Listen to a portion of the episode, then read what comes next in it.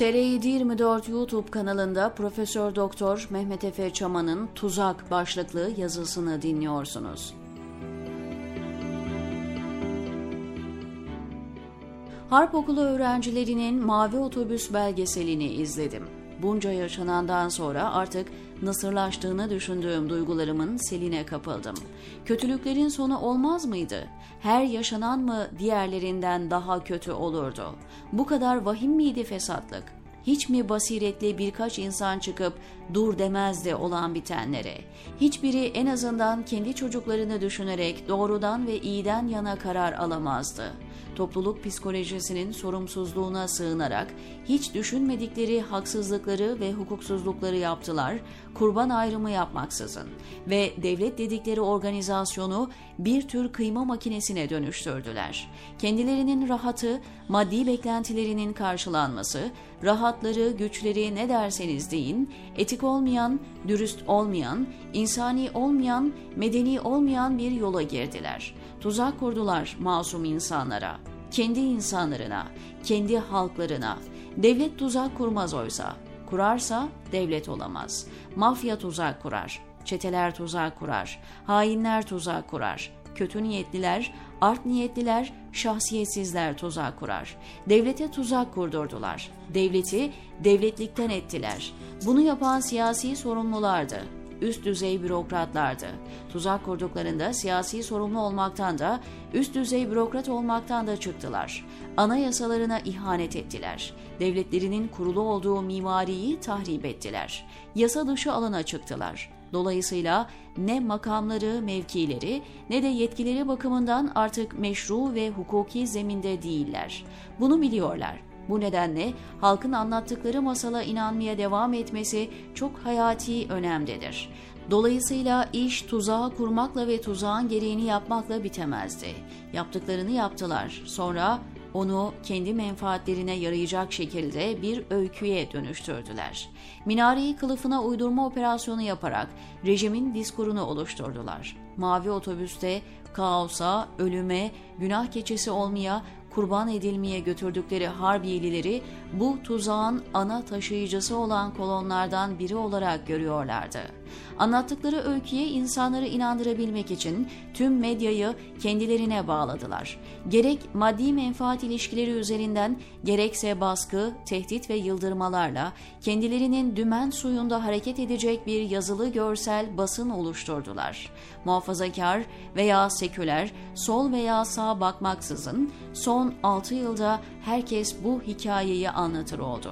Soru sormayan, çelişkileri veya tuhaflıkları araştırmayan, saklanan sırları veya bilinen sözde bilinmezleri araştırmayı umursamayan, kendilerine verili güvenli sahanın içinde kalarak gazetecilik yapıyormuş gibi yapan insanlar, çürümenin en azından siyasi karar alıcıları ve onların bürokratik icracıları kadar sorumludur bu olanlardan.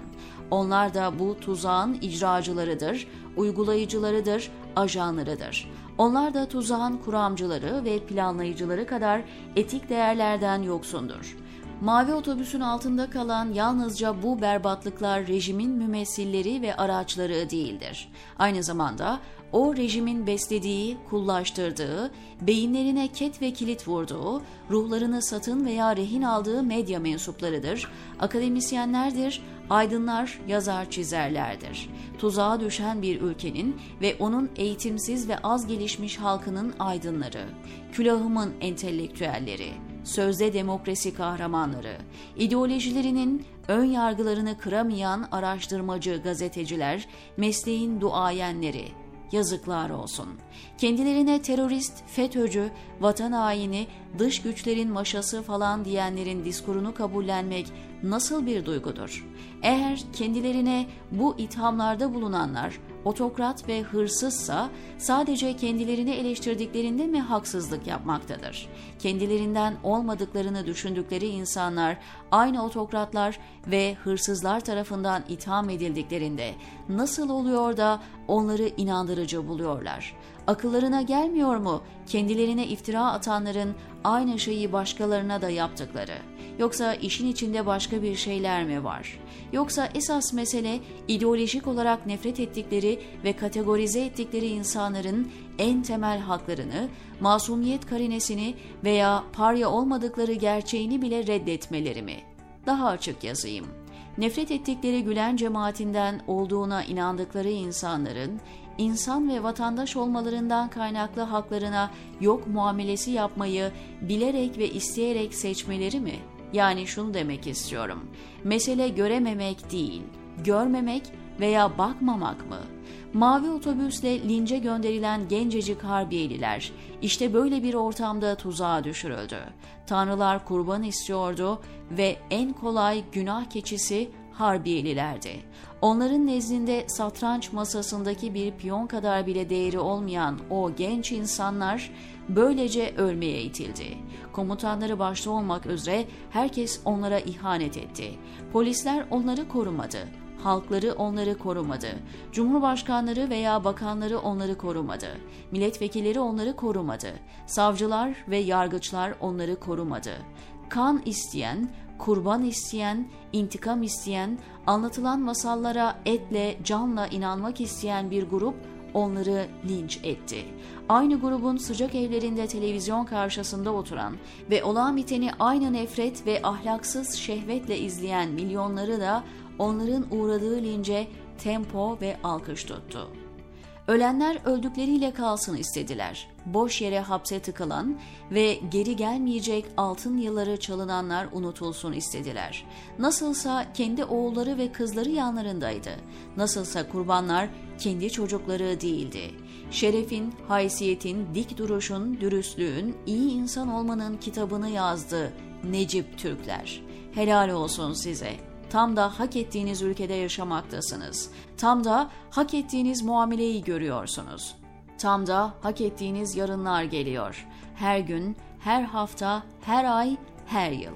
Yakınmayın, hayıflanmayın, ağlamayın, sızlanmayın. Bu Türkiye sizin eserinizdir. Tuzak kurduklarınız Harbiyeliler miydi sanıyorsunuz? Siz kendinize tuzak kurdunuz. Kendinize kurulan tuzağa tempo ve alkış tuttunuz. 3-4 yürekli, başarılı, akıllı, kariyerli, güçlü gencin kıt kanaat amatör olanaklarla çektiği bir belgeselin mavi otobüsün altında kaldınız hepiniz. Nedim Şener'inden İsmail Saymaz'ına, Cüneyt Özdemir'ine, Can Dündar'ından Erk Acarer'ine, aranızda zerre kadar fark kalmadığını göstermiş oldunuz. Yazdıklarınız orada duruyor. Yarın bir gün utanacaksınız o yazdıklarınızdan. Bulmaya çalıştığınız bahaneler elinize ayağınıza dolaşacak. Çocuklarınız neden rejimle aynı dili konuştuğunuzu soracak. Doktora tezlerinde dönemin havuz medyası çalışılırken isimleriniz alt başlıklarını süsleyecek akademik tezlerin. İletişim fakültelerinde nasıl gazeteci olunmaz konulu tartışmalarda örnek vaka olacaksınız her biriniz. Tuzak kuran mı daha suçlu, tuzağın tuzak olduğunu bilmesine karşın tuzağın tuzak olduğunu söylemeyen mi? Sadece tuzağı kuranlar mıdır tuzağın sorumluları? Yoksa ortada bir tuzak olduğunu gördüğü ve bildiği halde tuzağı gizleyen, hatta tuzak falan olmadığını söyleyen mi? Hangisi? İğreniyorum be sizin devletinizden ama en çok sizin gibilerden iğreniyorum. İnsanın kötüsünden korkacaksın ama en çok insanın kötülüğünü gizlemeye çalışandan korkacaksın. Çünkü devlet canlı bir varlık değil. Sizin gibiler yüzünden böyle oldu. Tuzağa düşmeye razı olmakla kalmadınız, tuzağın varlığını reddettiniz. Tuzağa kendiniz bile düştüğünüz halde. Sizin zekanızı, davranışınızı anlamak mümkün değil. Tek bir şeyi anlıyorum ama şahsiyetinizin ve etik standartlarınızın gereğini yapıyorsunuz. Mavi otobüsteki Harbiyelilerin ahı üzerinize olsun, diyor Mehmet Efe Çaman TR724'deki köşesinde.